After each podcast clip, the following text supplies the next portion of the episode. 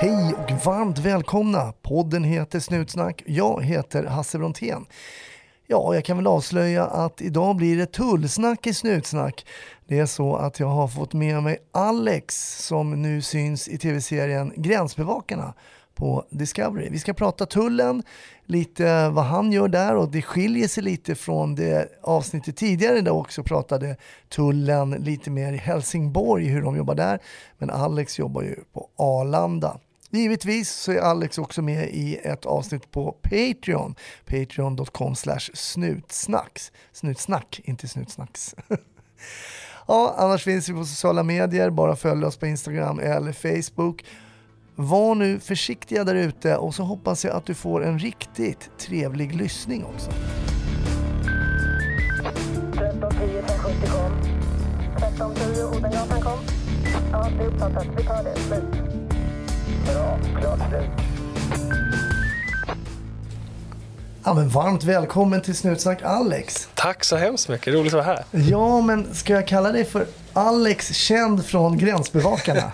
Ja, jag kände, jag, jag, från gränsbevakarna i alla fall, känd vet jag inte. Ja, Inte det, än. Ja, men det är kul för att än en gång så lämnar ju Snutsnack lite eh, trygghetszonen och går utanför och pratar med en person som inte jobbar som polis, dock myndighetsperson, men inom tullen. Ja, exakt, exakt. Och vi har sett dig, och när jag säger vi så syftar jag mest på mig själv. Jag har ju då sett alla avsnitt av de här gränsbevakarna som går nu. Ja, det är kul. Det blir jag glad för. Det är härligt. Ja. Jag tycker det är lite roligt sådär eh, och sen får jag passa på. Jag är lite på resande fot och då tittar jag på sånt som jag vet att min fru inte vill kolla på.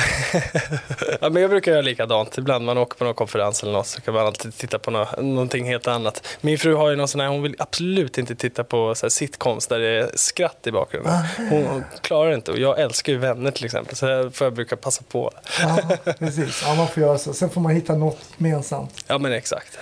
För er som inte känner till det då så rullar ju nu på Discovery så rullar det då en ny tv-serie kan man säga. Man har ju, man har ju sett förut Gränsbevakarna Australien till exempel. Mm. Men nu så har vi då i Sverige gränsbevakning och vi bara kort innan vi kollar din historik sådär. Men vad gör du som gränsbevakare just nu?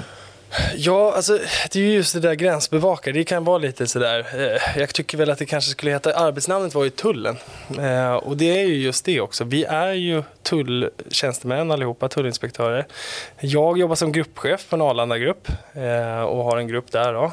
Eh, och, och det vi gör är att vi kontrollerar ja, förbudsvaror och restriktionsvaror som kommer in eller går ut ur landet. Det är väl liksom det, det tydliga. Det är lite sådär, jag brukar säga det när folk frågar vad gör tullen? Då säger ni poliser? Nej, det är vi inte. Vi får höra tullpolis. Det finns ingenting som heter det. Eh, vi har koll, om vi säger polisen, ni jobbar ju mycket med människor och deras beteenden. Och vi jobbar primärt med varor.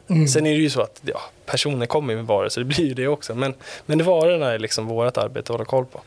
Precis, det får vi ju se på gränsbevakarna att ni får ju hantera människor såklart. Och Absolut. Det, det är ju ganska intressant. Vi ska komma, komma till det självklart. Men jag tänker, i podden så hör vi ibland människor men jag drömde om att bli polis till exempel. Men drömde du om att bli gränsbevakare? Det är roligt att du säger det. Eh, vad ska man säga? Jag har ju lyssnat lite på dina poddar så jag vet ju det. Det finns ju många poliser som är liksom så här, "Ja, men hela familjen var poliser, farsan, morsan, liksom hela sådär. Tvärtom var det väl för mig. Jag måste inte säga det. Jag växte nog upp i en ganska Ja, men jag ska inte säga fientlig, jag vill hitta rätt ord. Men så här myndighets... Eh, ja, men man kanske inte riktigt litade på myndigheter. Ja, men lite så. ja, det var ett bättre ord kanske. Men så här, jag, jag vet inte. Eh, Ja, men farsan var så här irriterad när polisen stod. Jag kommer, jag kommer aldrig glömma. Eh, Vi, var, vi bodde i Gröndal, så åkte vi över Liljonsbron och så hade de stoppat någon i högerfilen. När man kommer av där ska man upp mot höger där första avfarten. Så då tyckte han att det var okej att rulla ner rutan och skrika på polisen. Här kan det inte stå, vad fan. Ja, du vet den där. Så det, det liksom växte jag upp med, så jag tänkte inte på något sånt eh, egentligen. Men sen så eh, ja, växte jag upp helt enkelt och gick med i militären. Då. Och jag tror att det är där jag fick min liksom riktiga, riktiga liksom uppväxt och, och liksom min personliga resa, liksom, min personliga utveckling. Eh, tror jag verkligen satte fart där. På vilket sätt kan liksom en personlig utveckling så att säga börja öppnas upp inom militären? Hur var det för dig? Varför eh, kände du att du utvecklades där? Nej, Men jag tror att eh, inget illa mot mina föräldrar nu, jag älskar er. Men, men, men eh, jag tror att jag kanske inte fick så, ta så mycket ansvar under min uppväxt så. Eh, jag är den första att erkänna det.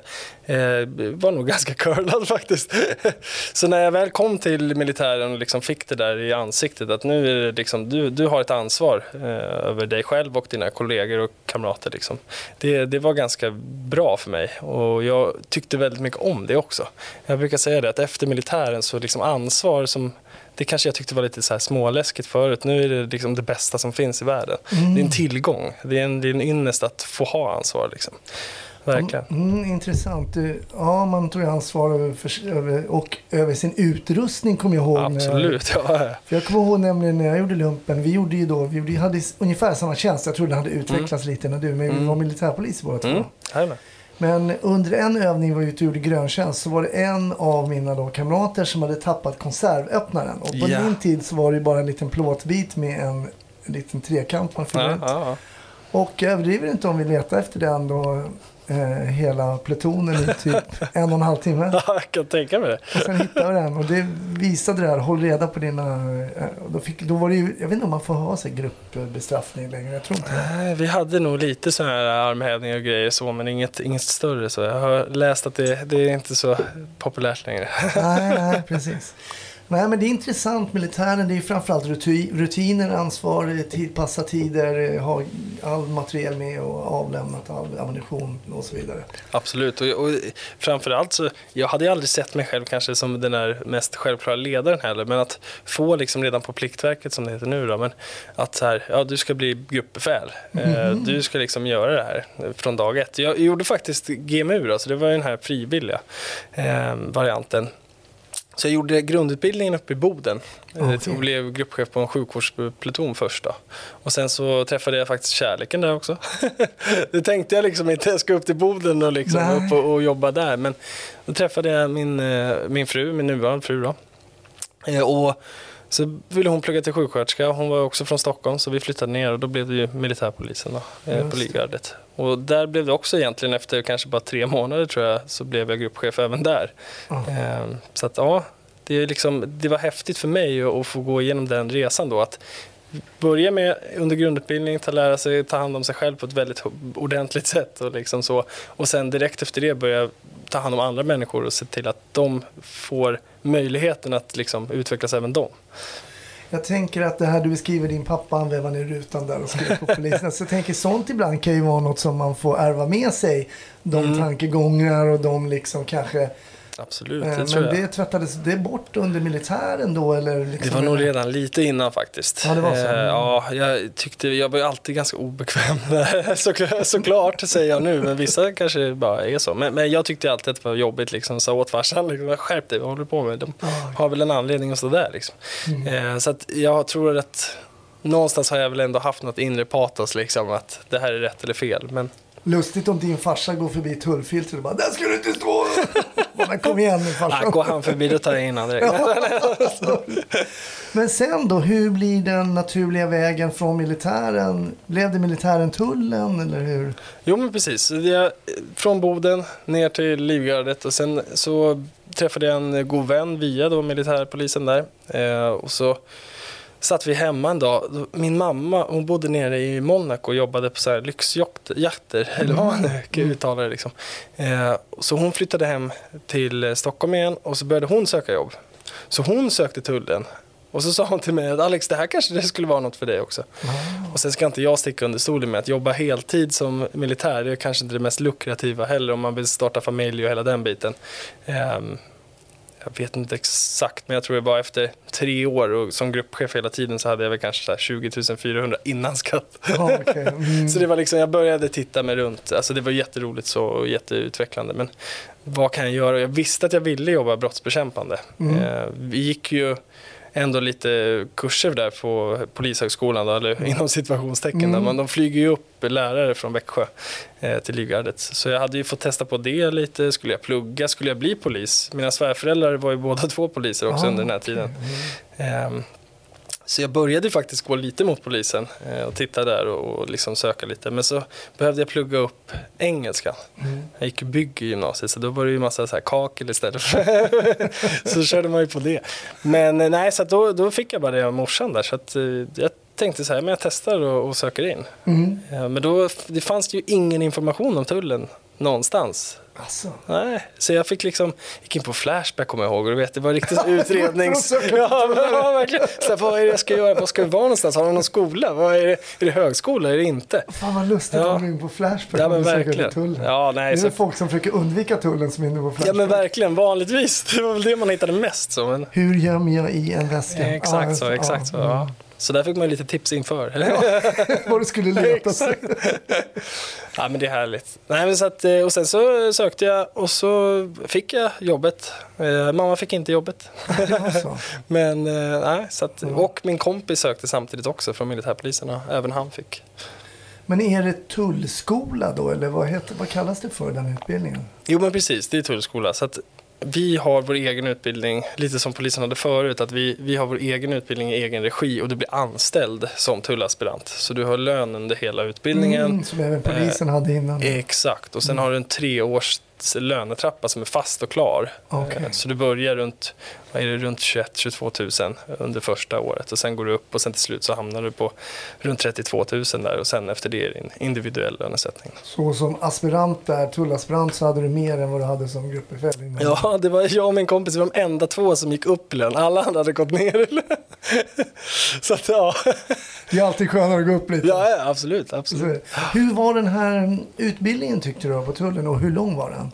Ja, men det, var, det var väldigt roligt. Vi jag gjorde det här innan vår nuvarande organisation. Då, så att vår utbildning var ett år. Eh, Nu är det 16 månader. Eh, Men då jobbade vi mot brottsbekämpning kallades det då. Och sen fanns det effektiv handel som jobbade med det här fiskala, liksom de lagliga, det, ja, men import, export och allt det där. Men så vi gjorde brottsbekämpning, det var ett halvår vi var inne och körde liksom juridik, juridik, juridik och sen ut och bara jobba på grupperna. Och då körde man tre månader på Stockholmsgrupper. Vi kallar det så, Stockholm och Arlanda-grupper, men det är område öst.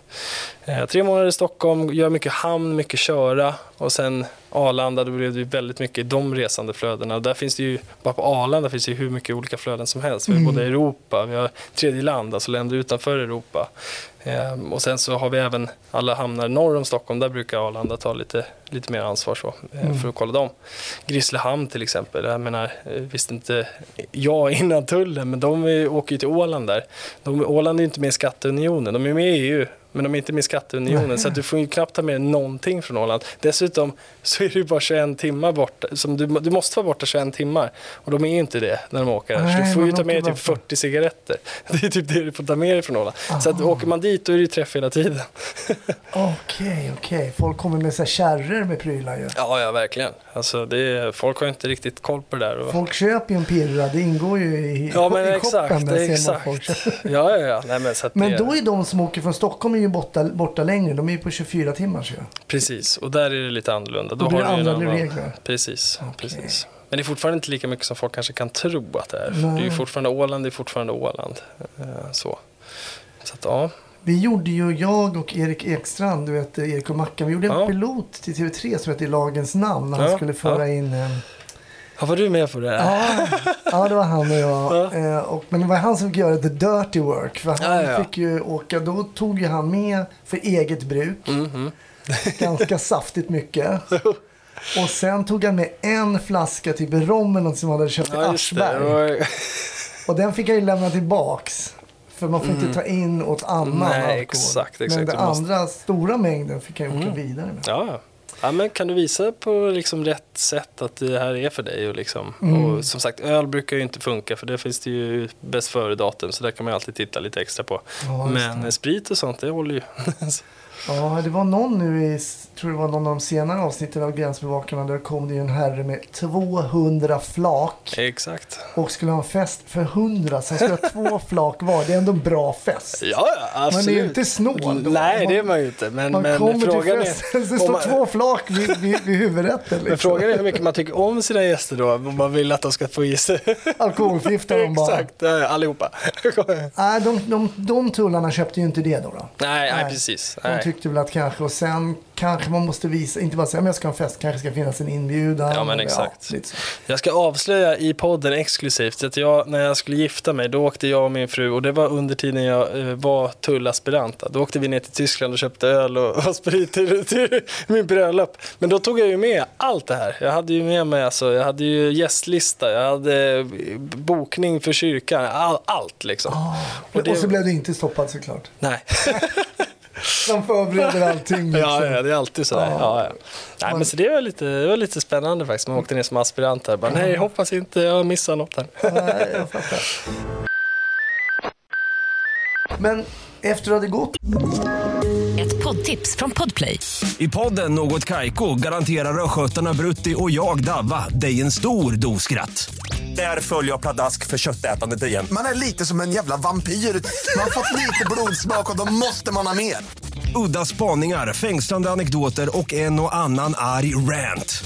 Jag måste ha mitt kaffe på morgonen för annars är jag ingen trevlig människa. Då är du ingen trevlig människa, punkt. Något Kaiko, hör du på Podplay. Därför är gardinerna. den här utbildningen då, då, då hade du varit på lite olika ställen, känt på lite. Och, kände du att, det var, att Arlanda lockade lite mer än det andra? Eller hur? Ja, men precis. Alltså, för mig, jag älskar egentligen alla de här. Alltså, det, det viktiga när man är tullare är ju att ha den här nyfikenhetskänslan. Du vill ju leta, du måste hitta det. Alltså, du, de här olika gömmorna och sådär. Och, och skruva bil i all ära, liksom. det är jättekul också. För mig personligen så tyckte jag Arlanda var, det var häftigt som bara den. Alltså, dels så har du det här konstanta flödet. Du, du har ju alltid jobb. Alltså, det kommer ju folk hela tiden. Eh, dessutom så kommer det folk från alla olika delar av världen. Eh, Du får träffa på olika kulturer, du får prata med människor på ett annat sätt. Du, har du får ju verkligen använda dina ord mer kanske än vad du gör i hamnen.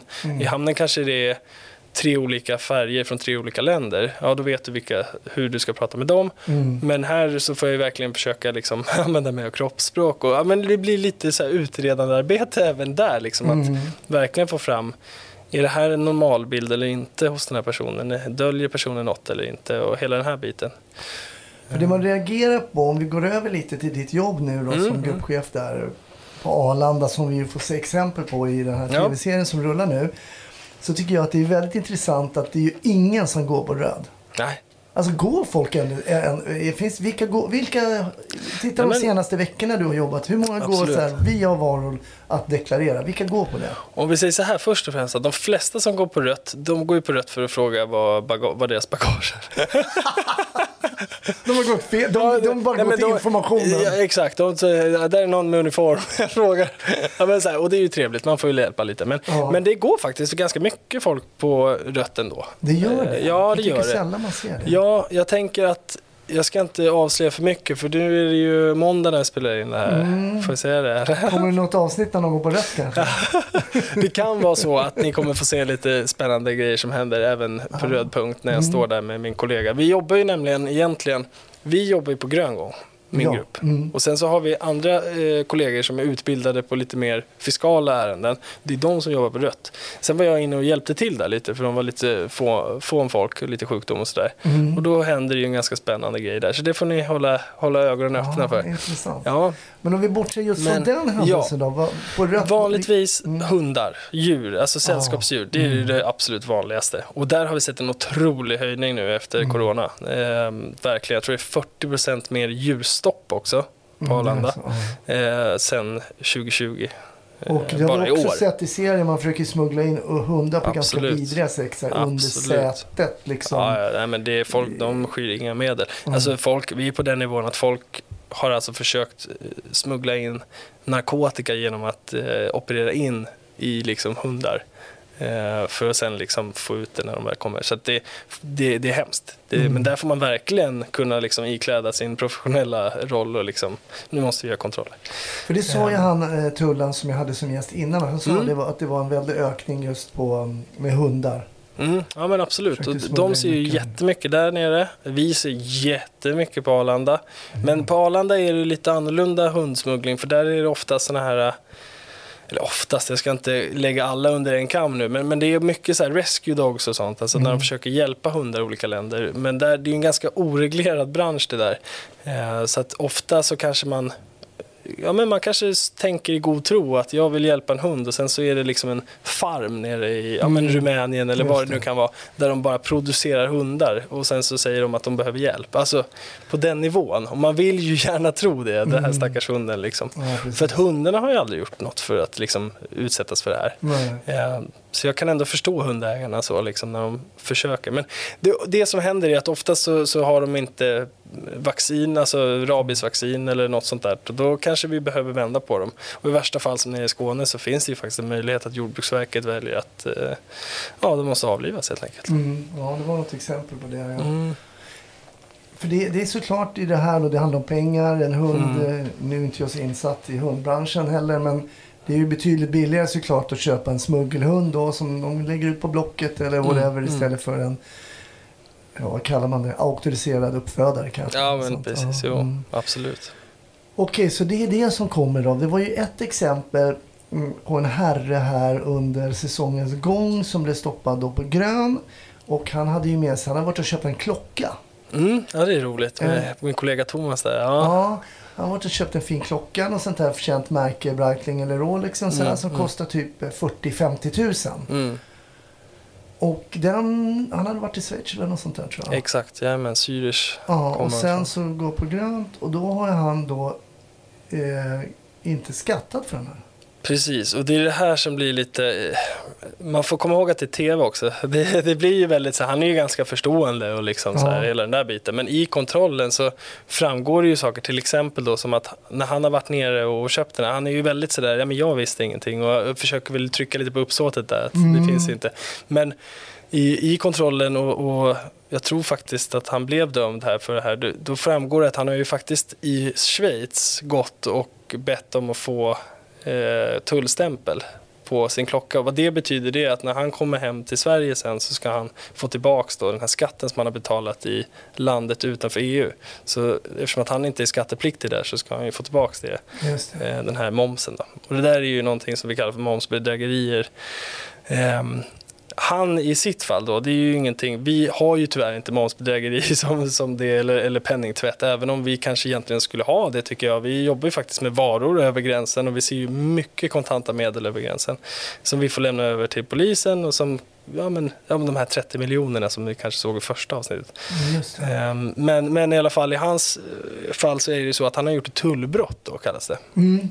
Och det är ju det här, eh, på Arlanda som sagt så jobbar vi mycket med tredje land. Du nämnde ju min kollega Niklas i Skåne där som har varit med på podden. Han jobbar ju väldigt mycket inre gränslagen som det kallas. Eh, och det är ju mot andra, Europaländer, alltså andra länder i Europa. Vi jobbar ju mycket mer då med länder utanför Europa. Och där har vi ju, vi har ju ingen eh, vi har ingen misstankegrad till exempel. Vi får göra kontroller hur vi vill. Du får stoppa vem du vill. Ja, vi får göra, alltså vi brukar kalla göra stopp ibland. Eh, att man kanske vill se, en- ja, vi pratade om eh, Thailand här innan, att det kommer en Thailandkärra. Då behöver vi kontrollera samtliga passagerare på hela kärran. Då kan vi göra det för att de kommer från ett land utanför EU och vi måste säkerställa att det inte Händer det att ni kontrollerar alla på ett plan någon gång? Ja, men det har hänt. Eh, Det var ju någon snack om någon, det blev ju lite skriveri faktiskt, kommer jag ihåg. I början av corona där så var det någon grupp som gjorde en kontroll på en sån. Så blev det lite dumt där för att det var precis i början. Så folk visste liksom inte hur man skulle bete sig i det här corona. Så då Ja. blev det ett stort le- led så här. Alla Och så, ja men precis. Så det var väl sådär. Men det har vi inte gjort något mer efter det. Men, Nej. men nu är vi igång igen. Så kanske i framtiden här. Ni får Men den det. möjligheten finns, alltså man skulle kunna göra som en, en liksom, ett spe, Absolut. special mission, man tar in extra Ja, folk, ja. ungefär som polisen gör en jättetrafikkontroll någon dag. Absolut. Ja. Längs med någonstans på E4 och kollar nästan alla fordon. Ja, okej. Sen måste vi ju alltid hålla oss till liksom så här, men är det här skäligt liksom? Alltså Nej, så. nej, men, men ofta så har vi ju, alltså det är ju nästan alltid när vi gör så, så får vi ju restriktionsvaror liksom. Men om jag återgår till den här klockan nu. Mm. Ja, gör det. Gör det. Men han hade ju då begått ett tullbrott genom Mm. att om man reser från ett land utanför EU så får man ta med sig varor upp till 4 700 kronor om du är privatperson.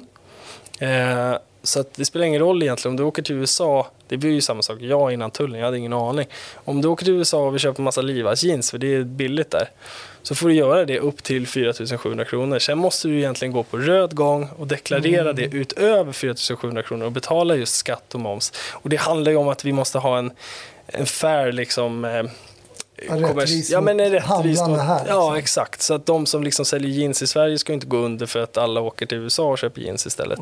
Eh, för vi måste ju få in en skatt. Och jag brukar ta det, jag får det ibland på Instagram sådär, liksom att Ja, men varför tar ni cigaretter av folk? Liksom? Det är ju inte schysst. Det är ju bara lite grann sådär. Ja, Mm. Absolut, men sen får vi tänka allt runt omkring. Liksom, cigaretterna som görs i Europa, de görs ju liksom med vissa standarder. De får inte ha för mycket utsläpp på fabrikerna. Eh, de får inte eh, innehålla så här mycket tobak eller nikotin. Eller när du väl kommer in i Sverige sen då och röker, säg att du har köpt cigaretter bara från, ja men säg Turkiet är ett ganska vanligt land, där är det ganska billigt också. Eh, så om du röker de här hela tiden, betalar ingen skatt i Sverige, sen får du KOL när du blir gammal. Ska du då åtnjuta samma eh, sjukvård som alla andra i Sverige som betalar skatt och hela den här biten? Så det är många så här, alltså visst det kanske ser larvigt ut att vi tar lite cigaretter, men många bäckar små ändå. Men det klassiska där tycker jag, där det finns ju verkligen en gemensam nämnare tycker jag med polisarbete till exempel. Så, Men va- varför stoppar ni mig? Kolla, alla går förbi här ute. Exakt så. Ja. Varför tar ni mig? Det är ju helt orättvist. Nah, det är det ju inte. Nu står ju du med de här Exakt. cigaretterna och så, så det var ju ganska bra gjort av oss. ja, men exakt. Och, då är, och, och det, är ju, det är ju ganska enkelt ibland som, som tjänsteman liksom. Alltså lagen har inga känslor. Är det fyra Mm. paket, ja det är rätt eller fel. Är fel då tas de med beslag och det är ju ganska enkelt så liksom. Jo, men exakt. Och det är en av få också där har, som vi faktiskt har ordningsbot också. Arlanda är ju i princip Ja, det vi enda stället vi har ordningsbot. Men vi har fortfarande det här gamla blocket, du vet, man får dra av. Det, av, det avlånga Ja, ja, ja. ja det hade till och med jag. Ja, det, ja, det är roligt. Men jag, det, vi förhoppningsvis får vi en liten app här. Ni har ju, ni, polisen fick väl någon app för ganska länge sedan. Så vi Jag tror väl, de fick det. Ja. det brukar väl ta typ en så här fyra, fem år. När ni har fått något, då får vi också något. Men jag har också noterat att även du lär dig saker här. Det verkar inte helt enkelt här saker man får föra in. Det var ju vakteläggen Mm. Ja. i något avsnitt här som eh, en Ja, dam verkligen. hade med sig lite vaktelägg. Alltså jag tycker det är bara starkt att lyckas transportera vaktelägg utan Ja, att de pajar. Liksom. helt otroligt.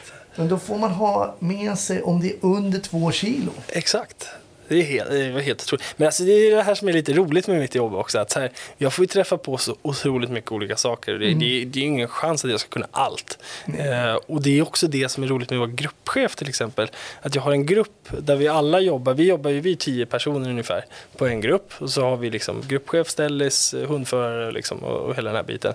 Och att alla har ju lite så här egna nischer, folk tycker det är lite roligt och att man hjälper varandra på det där sättet. Att liksom så här, ja, men nu går jag och kollar upp det här och jag gör det här och så samlas man och bara, men nu har vi lärt oss det här idag. Ja men vad roligt liksom. Eh, och det är också lite det här personliga utveckling och hela den där biten. Att Och även ni har lite, det blir ju så när man eh, kanske jobbar i par så att det blir lite så här good cop, bad cop. Ja, att kanske den som ibland har stoppat någon öppnar en väska och säger där får du ta, där får du ta, där får Mm. du ta. Och säger så, men vad fan kom igen. Ja, Nu lackar på. Sen gör man ett litet switch och säger så, ah, men du är schysst liksom. För då Så är det ju nästan hela tiden. Men det, jag kan ju verkligen förstå på ett sätt resenärerna också. Liksom. Här har de rest jättelångt. Jag säger inte att det är rätt, men så här, de har rest jättelångt och så kommer vi där och liksom, ja, precis, äntligen hemma och så kommer vi och hej du, vi ska köra en kontroll på två timmar bara. Du, vi ska ta alla grejer du har med dig. Alltså, och, och så har man inte koll. Och där tycker jag det är viktigt också att man har den här alltså, dialogen med varandra och sen också med kollegor så att de eh, om man är flera i en kontroll, att man, att man har förståelse för varandra. För, jag tror att den enda gången det liksom riktigt har på väg att vara dåligt, det är när jag har tagit, jag har tagit ett halvt lamm en gång i ett incheckat bagage. Helt otroligt. Röntgenmaskinen och så börjar man se bilden och så bara, vänta, är det, är det ett gethuvud? Det är ett gethuvud. Vänta, det, där kommer det ju där kommer det ett ben. Nej men vänta, vänta, där kommer det ju alltså. revben. Va, vad är det här? Ja, då så öppnar jag, då har han liksom klyvt den längs med. Och så är det bara köttet. Och det fick han ju inte ha med sig från ett land utanför EU. Så då sa jag det, du kommer vara tvungen att lämna det här. här. Eh, Jag kommer vara tvungen att rapportera dig. För det var ändå en så här, det blev, vägde ju nästan 30 kilo eller något sånt. Eh, Men han höll på, då, det var en fredag också, han bara "Nu, ni ska ha grillfest på helgen här. Oh, så han höll på att hoppa över den där bänken och nita med där. Men vi lyckades lugna ner situationen liksom. Ehm, Så det är också det här med Arlanda, man snackar väldigt mycket och det, det funkar. Ja. Det är ganska så här, jag tror också en flygplats, jag tror folk är liksom med på att vi gör kontroller där på ett Ja, annat sätt. ja. Sen behöver de ju inte gilla det, men det är ju inte mitt problem heller. Nej, nej, det är det ju inte. Men något som jag har sett skillnad när jag har kollat på gränsbevakarna Australien och gränsbevakarna Sverige. Då är det så här. I Australien sägs det, ja men har du med dig något, har du med dig något kött eller har du med dig något växter, grö, ägg- grönsaker? Mm. Nej, nej. Då har de ju fyllt i en lapp Ja, exakt. där i Australien. Så att de har skrivit att de har inte med sig kött, de har inte med sig Mm. det, de har inte med sig det. Men så där framstår de ju så ännu mer korkade nästan. För att Ja, de har ju exakt. Mm. skrivit under. Då vi har ju frågat dig vad de har med och de bara, aha, men jag fattar. Men i Sverige så har vi inte någon sån lappar. Nej, precis. Alltså för det där är ju egentligen en EU-fråga måste det ju bli. För att där är det ju liksom att du kommer in i EU oavsett liksom vart någonstans. Just det, precis. Eh, men så att det som är då istället i Sverige, det är ju det här att du väljer gång. Det gör du i Australien också. Men, men egentligen, om du väljer grönt och du har saker att deklarera, då, finns, då är det kört egentligen. precis. så då är det så här, kommer jag fram på grönt och tar ut dig, då har du liksom redan gjort ett val. Eh, och där är brottet. Sen har vi uppsåtsfrågan som alltid. Liksom. Och, och ringa brott, där får vi ju göra en avvägning hela tiden. Och, Ja, men det är intressant. Ett poddtips från Podplay. I podden Något Kaiko garanterar östgötarna Brutti och jag, Davva, dig en stor dos skratt. Där följer jag pladask för köttätandet igen. Man är lite som en jävla vampyr. Man har fått lite blodsmak och då måste man ha mer. Udda spaningar, fängslande anekdoter och en och annan arg rant. Jag måste ha mitt kaffe på morgonen för annars är jag ingen trevlig människa. Då är du ingen trevlig människa, punkt. Något Kaiko, hör du på Podplay. Därför är gardinerna. Det är lite spännande. Man funderar, eller man, det är väl jag igen då, men så här hur ni... För ni, det, det är ju så att ibland är det ju folk som har lite koll på inresande redan i kanske där man hämtar ut bagaget och så vidare och de beter sig på ett visst sätt. Rapporterar in till er som står då på grönt. Nu kommer en snubbe, han så och så, så har de rivit bort sina taggar. Vilket jag tycker är intressant. Man berättar där att man kanske, kommer man från ett specifikt land så kanske man inte vill visa det i gången där. exakt. Ja. För att det kan tyda på kanske att man har så här. Så jag tycker det är spännande att se de här små liksom in, in, små Mm. iakttagelserna som sen leder sen till kanske någonting med en träff och så. Ja men exakt, och där tror jag också du som har varit polis och liksom alla de som följer det här som har någon typ av bakgrund i just brottsbekämpning eller något så här, då, då ser man de här små nördiga grejerna, de här detaljerna. Tror Och det tycker jag är väldigt roligt också att kunna visa, för jag tror att Många tror nog att vi bara står där i filtret och sen liksom, ja hej kom här och så lite på måfå och sådär. Men det är ju en ganska, man behöver stå där några, ganska många timmar för att få den här magkänslan. Man pratar alltid om magkänsla men jag tycker att vi ska börja ta bort det där med magkänslan. Det handlar ju faktiskt om erfarenhet på något sätt. Ehm, Sen är det ju väldigt svårt skulle jag säga. Det var Mm. samma sak även när jag jobbade som polis, när man jobbade civil till exempel mot narkotika. Så att beskriva. Det gör ni också i tv-serien här. Ni beskriver att personen uppträder väldigt nervöst. Och det kan man göra på oerhört många olika sätt. Mm. Och hur nervöst, alltså vadå, flacka med blicken eller Mm. Faktiskt smita undan. Eller det finns ju så många olika Ja, ja. sätt och det, det är väldigt intressant. myndighetsnoja. som är- Ja. Bara den liksom. Det, men, och det är ju någonting man verkligen, återigen den här erfarenheten som jag hellre vill kalla det då. Eh, det är klart vi ser skillnad om det kommer någon som är liksom, oh där står det någon i uniform. Eller någon som faktiskt, åh nej, där står det någon i uniform och jag har grejer i väskan. Alltså någonstans börjar man ju se skillnaden då, eh, nu för tiden. Under alla de här åren då som du har stått eh, här på Arlanda så kommer jag ju ställa samma fråga till dig som jag gör till mina gäster. som. Har du något case som sticker ut för dig sådär som du säger, men det där, det, det, det sitter kvar? Ja men alltså verkligen. Ehm, det finns ett som är sådär och det är ju när jag i princip har kommit ut. Jag tror att jag precis var klar då. Så jag har liksom precis fått bli klart med min aspirant. Nej, jag är fortfarande aspirant, så är det. Ja. Jag har kommit ut, jag, det är ganska, inte så här första veckan eller något, men ändå ganska tidigt så. Ute på en grupp som jag, den första gruppen jag var på innan jag blev gruppchef då. Eh, och du vet, man är taggad. Jag kan tänka mig att du också var så här, man man har gått skola, man kommer ut, är aspirant, nu kör vi. Liksom. Och, och, och jag måste liksom också erkänna, och jag tror att det där är en utveckling i sig också, när man, ju mer man jobbar sådär, men, men det här var bra för mig. Jag kommer ut och tänker kanske inte så mycket på personen bakom dem. Alltså jag vill ju bara hitta grejer. Jag vill ju leta, upp med väskan, nu kör vi liksom. Vad har du här i? Eh, och så jag kör på det, på det sättet ganska länge. Eh, och sen kanske vecka två, tre där någonstans. Då har jag ställisen på den gruppen som är, han är ju helt otrolig. Alltså han har jobbat länge och han har liksom, hans ögon, om han tar ut något då är man så här, okej vad är det som kommer vara nu? Ja, är så. han är grym liksom. Ja. Eh, så han, vi pratar kanske näst sista flighten. Eller något sånt Mm. här. Vi ska gå hem om typ en halvtimme. Alltså där, vi pratar där någonstans. Han tar in en kille med en dotter, eh, två väskor eh, och Två säger... normalstora Ja, men två, två incheck, alltså så här som man checkar in Mm, på två bagage. Liksom. Hur gammal är dottern ungefär? Dottern är kanske, hon måste varit 12 tror jag. Okej, så Och de kommer resan från Israel. mm. Och Israel är lite speciellt också för att där är det ju fortfarande lagligt med den här eh, drogen katt. Mm. Mm. Så han rycker in honom, sam, i samma veva som han rycker in honom så säger han ju också till mig och min, mina två aspirantkollegor där. "Ah, Jag måste sticka ganska snart, jag vet barnen och så här, så att, kan inte ni ta över kontrollen liksom? Så vi tar över kontrollen, in genom röntgen och tror på liksom, ja direkt. Det är två väskor fulla med katt. Det är liksom, det är ingenting annat, det är bara proppfullt i bredden. Jag tror det var så här, ja, vad blir det? Det blir ju typ 40-50 kilo eller något. Nu är katt, det är ju en ganska, du måste ha ganska mycket för jag tror det är så grovt det är så här 400 kilo eller något. Så det är liksom, men det är ändå normalgraden och det är en medbo- alltså icke-medborgare som kommer. Och han har med sig sin dotter. Så här kommer ju en riktig utmaning för en aspirant som är ute och liksom För han ska gripas den här killen. den här killen ska, det ska bli förhör och sen i förhöret får ju den här dottern sitta med då såklart. För vi har kontaktat SOS så de är på väg men vi måste ju börja liksom göra det här. Så hon får ju sitta med där. Och till slut, så, som tur är, så lyckas SOS komma precis innan vi ska- liksom ska dra. Så vi kör en paus i förhöret. Eh, och så liksom kan vi liksom dra igenom förhöret igen. För att vi vill inte, det var så konstig situation. För jag var liksom så här, på ena sidan, ena handen här så är jag liksom sjukt glad. Vi har tagit två väskor knark. Alltså, ja, men, du kan ju tänka dig själv liksom. Wow. Precis, Och- ny i jobbet, Ja, liksom. men alltså det här är det bästa som har hänt. Det är det här vi har liksom letat efter liksom. Vi har pluggat inför det här. Det är liksom... Och sen i andra så bara, det är en pappa med en dotter. Mm. Hans liv liksom har precis kraschat. Hon är här och vi är tvungna att se på det här. Hon kanske inte ens visste om varför de reste liksom. Och hela den här biten.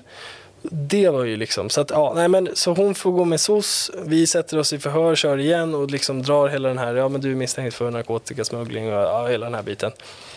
Och sen så får ju hon, hon får ju sova över med SOS och sen får hon ta nästa flight tillbaks Ja, till, till liksom Tel Aviv. Och han, sett, han blir ju gripen och anhållen till slut och får liksom, ja, får vara här. i. Och Mm. den, alltså lika kul och häftigt som det var, lika liksom verklighets... Eh, ska man säga? Liksom, eh, man bara kastades in i verkligheten på något sätt som gör att jag har skapat en typ av... Men jag tror det är det som har gjort att jag hela tiden försöker ha lite förståelse för folk som är ute och reser också. Att det här liksom, även om det här var jättekul så har jag på något sätt, jag har ju på något sätt förstört den här människans liv. Även om det är det jag ska göra i det här läget. Så, så här, Ja, eller har sätt, de här- gjort det själva? Jo men det är klart de Ja, har. Men, men, men, men Mm. någonstans så, så här, det är ju för att jag hittade det som, ja, men alltså, är, man ska inte tänka så egentligen. Nej, men, jag förstår Ja. vad du menar. Och det är också, man, jag kan ju bli så att jag tänker Mm. när du berättar en historia så är det så jävla oansvarigt att resa med en Ja, tåg. men alltså, jag man kan ju bli, tokig. ja, det är ju liksom Ja, ja. utsätta den här stackars Ja, flickan för det här hemskt. och förhör. Och hon såg väl det som poliser fast det stod Ja, ja. TURL liksom. Ja, exakt. eh, På det där. Otroligt traumatiskt för Ja. 12-åring kan jag tänka mig. Men det var, det var nyttigt Mm, också. jag alltså, det det. var väldigt sådär, men eh, där lärde jag mig otroligt mycket. Eh, om mig själv och liksom om yrket. Men kunde ni det där som aspiranter? För det kom in en annan lagstiftning där och måste ta hand om flickan. Och Mm. Hade ni det där färskt i liksom? Som tur är så är det ju så att vi jobbar ju ändå i grupper. Mm. Eh, Och runt 10 pers i varje grupp. Så att vi hade ju ganska mycket folk. Vi fick ju ta hand om caset eftersom att vi var aspiranter. Vi skulle liksom lära oss allt. Men eh, nej, så vi kunde ändå bolla med varandra och sådär. Mm. Och, och, och, så vi hade gruppchefen där som eh, Urban heter han, han är underbar kille också. Mm. Väldigt så, lite mentor och sådär. Nej, underbar kille. Och han, han kunde ju liksom snabbt så, ja men okej vi ringer SOS där, jag sköter barnet just nu. Mm. Och så kan ni fokusera på liksom förhöret för liksom göra det så bra som möjligt. Ta kontakt med åklagare, hela den biten. Vet du vad han dömdes till den här killen? Kom, det är det jag inte kommer ihåg Nej. faktiskt. Men det, det måste ändå ha varit ett tag. Alltså. Han fick ju sitta i fängelse i alla fall. Mm. Det är intressant när du nämner den här kollegan då som hittade den här bara i mängden, liksom Mm. kanske genom Det skulle vara så intressant, för vi har ju hört många poliser som har berättat om liksom handledare, äldre kollegor som har lärt dem så oerhört mycket genom att de har jobbat med dem och sådär. Det skulle vara så intressant om den här personen som du nämner till exempel skulle kunna så här, sätta på pränt det som han egentligen verkligen... För jag tror att det kan vara väldigt svårt att, att sätta ord på vad han tittar. Utan han får bara någon så här eh, red flag på någon och så vet han kanske inte hundra procent. Utan bara någon som tar Nej. sig någonstans, kollar Exakt. klockan. Alltså jag vet inte. Nej, det men är och, och det, till, till alltså. historien hör ju också att personen hade ju gått förbi honom också. Du vet på Arlanda när man går ut så är det ju den kröken till Ja, höger. precis. Så han var ju redan på väg till höger där. Så han var liksom så här valet och kvalet. Så bara, jo men det var någonting. Springer efter och stoppar liksom. Det var ju också så här häftigt på något sätt. Så, och, och han stod ju längst bak så han hade ju gått förbi alla oss andra. Ja, just det. Så han det- trodde att det var yes, Ja, exakt. Nej, det, var, det, var, det var lärorikt. Någonstans, eh, han sa liksom, det var något sätt han tittade. Alltså Mm. så här, Ja, det det var inte nervös utan han försökte, han fokuserade på något. Alltså det var någonting som var, Det kan ju också vara väldigt onaturligt om någon liksom spänner blicken ner. Och Ja, liksom, jo, jo. Det kan också vara ett tecken kanske. absolut, jo. Jag tycker också det är spännande att se här serien. För det blir ju mycket... Alltså det är ju mycket retorik och liksom... Mm. Ta hand om människor. Ni vet ju det här initiala. Ja, men då börjar ni, ni säger ni snällt kan få komma in här. Vi ska röntga din väska till exempel. mm. Där börjar ni. får ni känna på dem lite grann. hur sugna de är på att lägga, upp den där väskan Ja på men det blir ju lite så, ja. Man Och, måste göra någon initial koll så. Ja. Sen så har man ju sett under seriens gång, vilket jag tycker är intressant, den här liksom kommunikationen mellan tulltjänstemannen och personen som är där. Ibland så blir det väldigt eh, lite enklare att ta ner den här personen och förklara. Vi står här, vi väljer ut, nu blev det du. Eh, Okej, jag förstår. Sen, här. Men en del är ju fortfarande på ganska, kanske lite, blir nästan lite arga sådär för att de Absolut. blir utplockade. Har ni utbildning i liksom just det här ehm, lite tekniken med folk som blir lite konfrontativa och så här? Jo men det är något vi pratar ganska mycket om redan under liksom grundutbildning. Eh, vi har ju allt det här självskydd och allt, hela den här biten Mm. vi brottas och kör. Vi har ju batong och OC. Eh, vi har ju inte pistol till uniform. Vi har ju det civilt. Just det. men inte till uniform. Och där pratar man väldigt mycket om just förhållningssätt och sånt också. Att vi, vårt liksom viktigaste vapen är just, som du pratade om, den här retoriken. Att kunna prata med en människa på olika sätt och kunna också växla upp och ner. Och, ehm, på något sätt också alltid ha med sig att så här, vi har alltid rätt, vi har rätt att göra den här kontrollen. Alltså så här, det är ganska stort på något sätt. Att alltid ha den med sig, att när vi står här i filtret och du kommer, oavsett om du kommer från ett EU-land, för då har vi ju det här anledning att anta misstankegraden, men för oss är ju det i princip att du vacklar med bricken eller någonting. Mm, det. Och att ha med sig då att liksom, oavsett om det kommer från tredje land eller EU och vi väljer att någonting känns konstigt så har ju vi rätt att göra kontrollen. Alltså, ha med sig det i bakhuvudet är ganska starkt liksom. För då behöver inte jag, varför ska jag vara uppkäftig? Varför ska jag Nej, försöka nej, nej. vara irriterad eller någonting? Utan jag kommer göra min kontroll och den kommer göra, sen om det tar lite tid, ja, då får du väl göra det den här gången. Mm. Sen till en viss gräns såklart. Men Men när du gör en riktig bom då? När du liksom tänker så här, oj, tänkte, oj. ska- när kommer den här frågan? För jag menar, det är ju... Mm. Det är väl oundvikligt också att det kommer någon Ja. bomkontroll någon gång och att man kanske gör en random check från tredje land och liksom sådär. Hur, och vad är det inte ens en penal som är inkorrekt liksom? Mm. Och, Ja, men då får man ju liksom, jag tänker, det finns ju två olika sätt eh, att tänka. Alltså, dels det här, om jag tar in någon för kontroll, då gör ju jag mitt jobb som tullare. Jag ska se om det finns någonting. Mm. Och då får jag erfarenheter att lägga liksom i min ryggsäck hela tiden. Ehm, och ingen blir gladare än jag om en person kommer och inte har med sig någonting. Nej, nej. alltså så här, då har ju, du gör rätt, jag gör rätt. Vi kan bli lite tjenis under kontrollen och så har vi fått en erfarenhet eh, båda två. alltså förhoppningsvis på något Folk sätt. kanske är lite mer avslappnade när de vet att de inte har någonting. Exakt, ja men alltså faktiskt. Eller liksom så. Men sen har vi ju bommar istället när man vet att någon har med sig. Den som till exempel. Mm. eller när man vet. Men Jag har alltså, fått ett tips kanske om att Ja, det men det- borde finnas något här. Ja, eller kanske snarare så här. Om du nu pratar den här serien så kanske ens kollega vet. Mm. men inte en själv. Och så har man kanske inte sagt något på eh, raken där Mimmi. Pik, pik.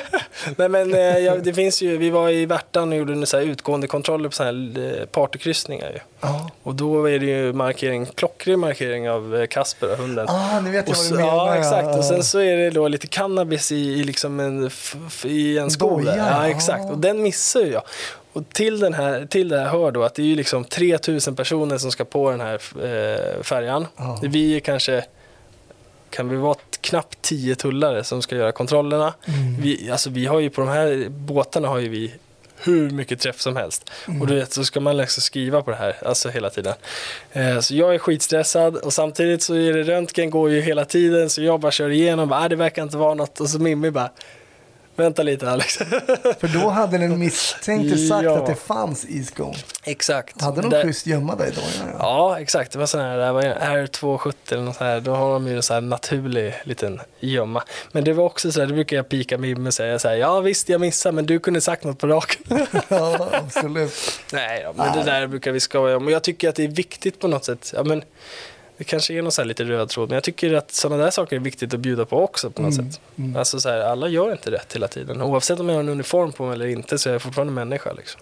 För det har, man ju varit, det har jag varit med om också som polis. Man har fått Mm. underrättelse om en person. Man vet mer eller mindre, alltså vet. Eh, det finns så pass mycket uppgifter för att den här killen Mm. Till exempel i vårt fall och sålde heroin eller något sånt där. Att det skulle finnas och så. Det kanske Mm, ni har haft en del personer som ni känner igen sedan tidigare och sånt där. Mm. Och så bom, då finns det inget. Men man tänker, jag borde hitta någonting. Men, Kan det inte finnas en liten frustration där? jo, men det är klart. Det är klart. Alltså vi, precis på samma sätt som du jagade liksom förut och liksom ville ha det här. Alltså det är ju samma sak för oss. Mm. Vi, det bästa som finns är ju när man hittar liksom en knarkgömma. Jag hade ju också med den här gamla gruppen då, så en gång så, så träffade vi på opium i en dubbelbottnad väska. Ja, sånt där. Alltså, jag vill, det vill, liksom- bara, hö- vill jag höra om sådana Ja, dubbelbottnade ja, ja. Nej, men alltså, det var så sjukt. Vi hade, jag tror vi hade typ tre stycken på så här, tre månader. Wow. Alltså, och den gruppchefen då, han hade ju liksom inte sett en sån på 15 år innan dess. Och då fick vi tre på liksom, sen var jag borta på två av dem för vi var borta på massa insatser. Så, så det var så typiskt. Men en av dem kommer jag ihåg liksom, det var, det var så otroligt Det är häftigt. sånt där man vill höra om lönnfack och sånt. Ja. Lönnfack, har Ja, du ja. sett någon lönnfack? Absolut. det är dubbelbottnad, det är väl ett Ja, men absolut det är det ju. Och det är, liksom, det är ju ganska ordentliga grejer folk eh, hittar på. Och Mm. Ja, sen det finns så. det ju liksom så här, ja, men, svarta marknaden om man säger. Men det finns ju liksom bagage som är ombyggda som liksom är gjorda för att eh, s- ja, men, gömma knark helt enkelt. Mm. Ja. Ehm, men mycket annat också. Jag tror det är viktigt att tänka på också, sådana här tullperspektiv och, och komma ut med informationen till massorna på något sätt. Att det finns ju en helt, det finns ju massa annat också än knark. Mm. Alltså, vi ser som sagt hur mycket kontanta medel som, är som ramlar ut ur landet. Alltså shit. pengar, cash då främst. Och guld också. Men hur är Ehm, det då när det går ut? Hur ser ni det? Ni, alltså, Så här, folk vi- checkar in sin väska. Ja, precis. Vi, alltså det vi gör ofta det är att vi går upp på gate faktiskt. Okej. Och så kollar vi vissa flighter sådär, att det här kanske är intressant. Eh, och så gör vi kontroller liksom. Så fort du blippar din, du ska in på gaten så blippar du ditt boardingkort så går du in där så är det som ett litet eh, väntställe. Ja, så precis. står vi där. Så direkt efter du har blippat så träffar du mig och så säger jag så här, ja hej har du någonting att deklarera? Eller har du, full, har du kontanter med dig? För att det är faktiskt så att enligt EU så måste du anmäla kontanter över 10 000 euro. Så det är 100 000, det är mycket pengar.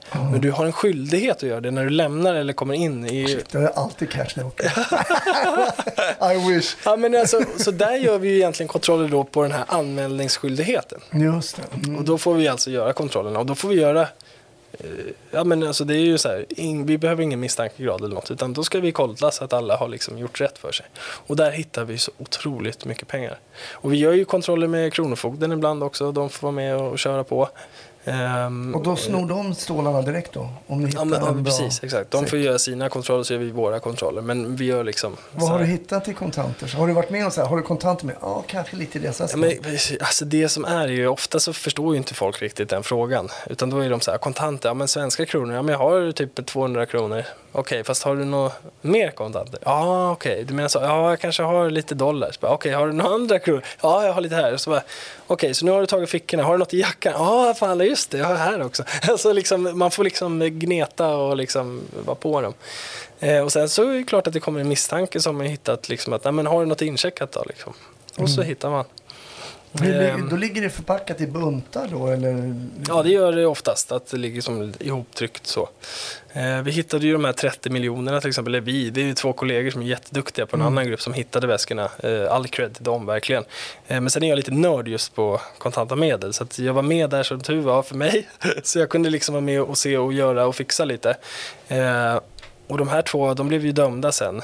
Det var, visade sig att de hade fört ut så här 171 miljoner bara den våren från Sverige. Och sen Vet hade- man var pengarna, hade kom, var pengarna hade kommit ifrån eller? Tyvärr så var det så som jag förstod det att eh, polisen hade inte resurser till att utreda det. det. Jobbat jättehårt. Ja, ja, ja, men alltså så här. Och där blev jag lite så här, fasen där kanske vi skulle kunna liksom Mm. ha jackat in för där, vi har resurser och kunskap liksom. Men det är en politisk fråga så att det, Ja, tyvärr ja, kan jag inte göra så precis. mycket mer än att kanske trycka på det i sådana här poddar. Ja, Men, nej, men och samtidigt så det är ju samma sak, det var ju en ytterlighet. Men ta bara till exempel en vanlig flight, alltså en vanlig flight till, ja men 2020 så gjorde vi en kontroll på en Turkiet-flight. Eh, inget så här superöverdrivet eller så. Eh, ingenting över 10 000 euro, så vi var ingenting vi skrev på eller något sånt. Men vi kontrollerade och så bestämde vi oss för att den här flighten ska vi göra, liksom, vi, vi kör lite statistik på hur mycket pengar går ut som är liksom legalt fast som går ut ur Sverige.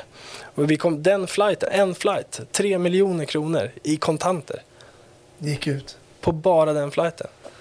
Julafton 2019, eh, två flighter, tre flighter kollade vi. 12,3 miljoner lämnade landet. Alltså helt liksom rätt enligt konstens alla Svenska regler på det sättet. medborgare eller liksom? Både och. Både och. Mm. Men det, är, alltså det, Folk är täta. det går ut så otroligt mycket pengar. Ja, nej, det är sjukt. Ja, här kan man ju bara spekulera. Ja, exakt. I sin konspiratoriska gamla Ja, polishjärna precis. var de här pengarna kommer ifrån. Kan det vara lite penningtvätt? Jag vet inte. Nej, det, sorgliga får vi aldrig reda på. Det är tråkigt. Nej, Ja. Men är superspännande. Men jag vet, ni har väl också en krimavdelning? Jag menar, du- Exakt. ni har ju utredare som eh, lämnar över förundersökningarna till åklagare och så vidare också. Som, Absolut. Alla, vi har ju, så mycket gör vi ju smugglingslagen och så. Vi, nu håller de ju på att göra en remiss över det där så vi ska väl få en, liksom, en lag nu istället för att ha alla de här olika. Vi har ju tullagen, vi har inre gränslagen, vi har smugglings... Alltså, det- vi har polislagen till viss del. Alltså, allt det här och så ska man försöka koka ner det till en.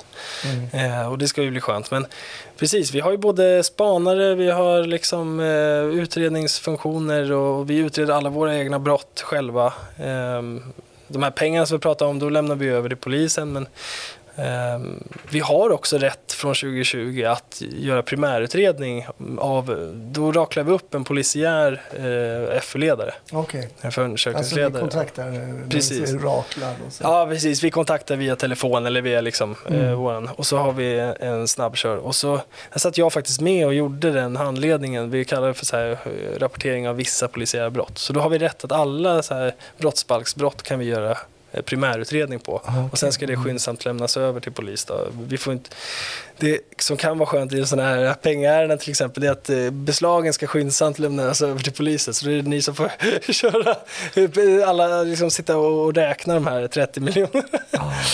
Så Men eh, ja, det är galet. Alltså superspännande och vi ska prata lite vidare i Mm. Patreon-avsnittet också. Men jag kommer ju givetvis fråga dig som jag frågar alla gäster nu. Sitter du hemma och kollar tull? Finns det en bra tull, tullfilmer, tullserier? Det är Gränsbevakande Sverige då.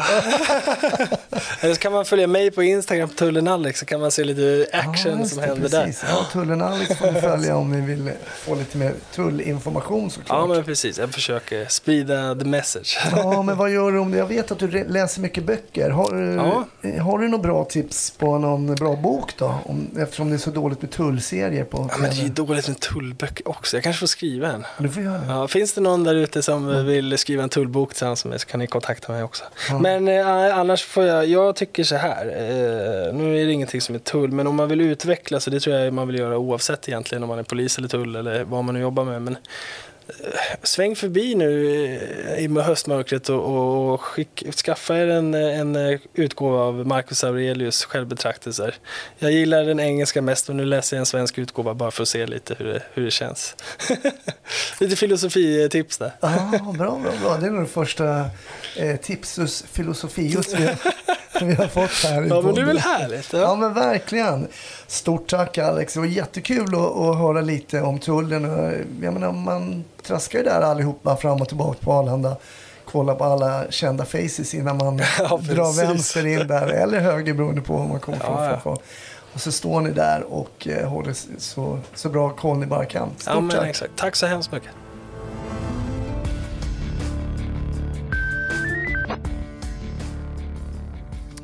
Tack för att du har lyssnat. Snusnack är slut. Det blev tullsnack. Nästa gång blir det nog inte det. Men det är kul att gå lite utanför boxen ibland. Ha det bra fram till nästa vecka. Glöm inte att följa oss. Glöm inte att bli Patreon. Hej så länge.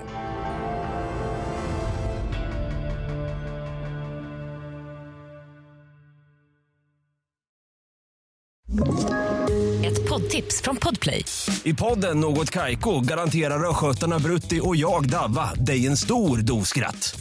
Där följer jag pladask för köttätandet igen. Man är lite som en jävla vampyr. Man har fått lite blodsmak och då måste man ha mer.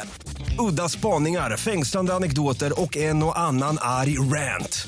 Jag måste ha mitt kaffe på morgonen för annars är jag ingen trevlig människa. Då är du ingen trevlig människa, punkt. Något Kaiko, hör du på Podplay. Därför är gardinerna.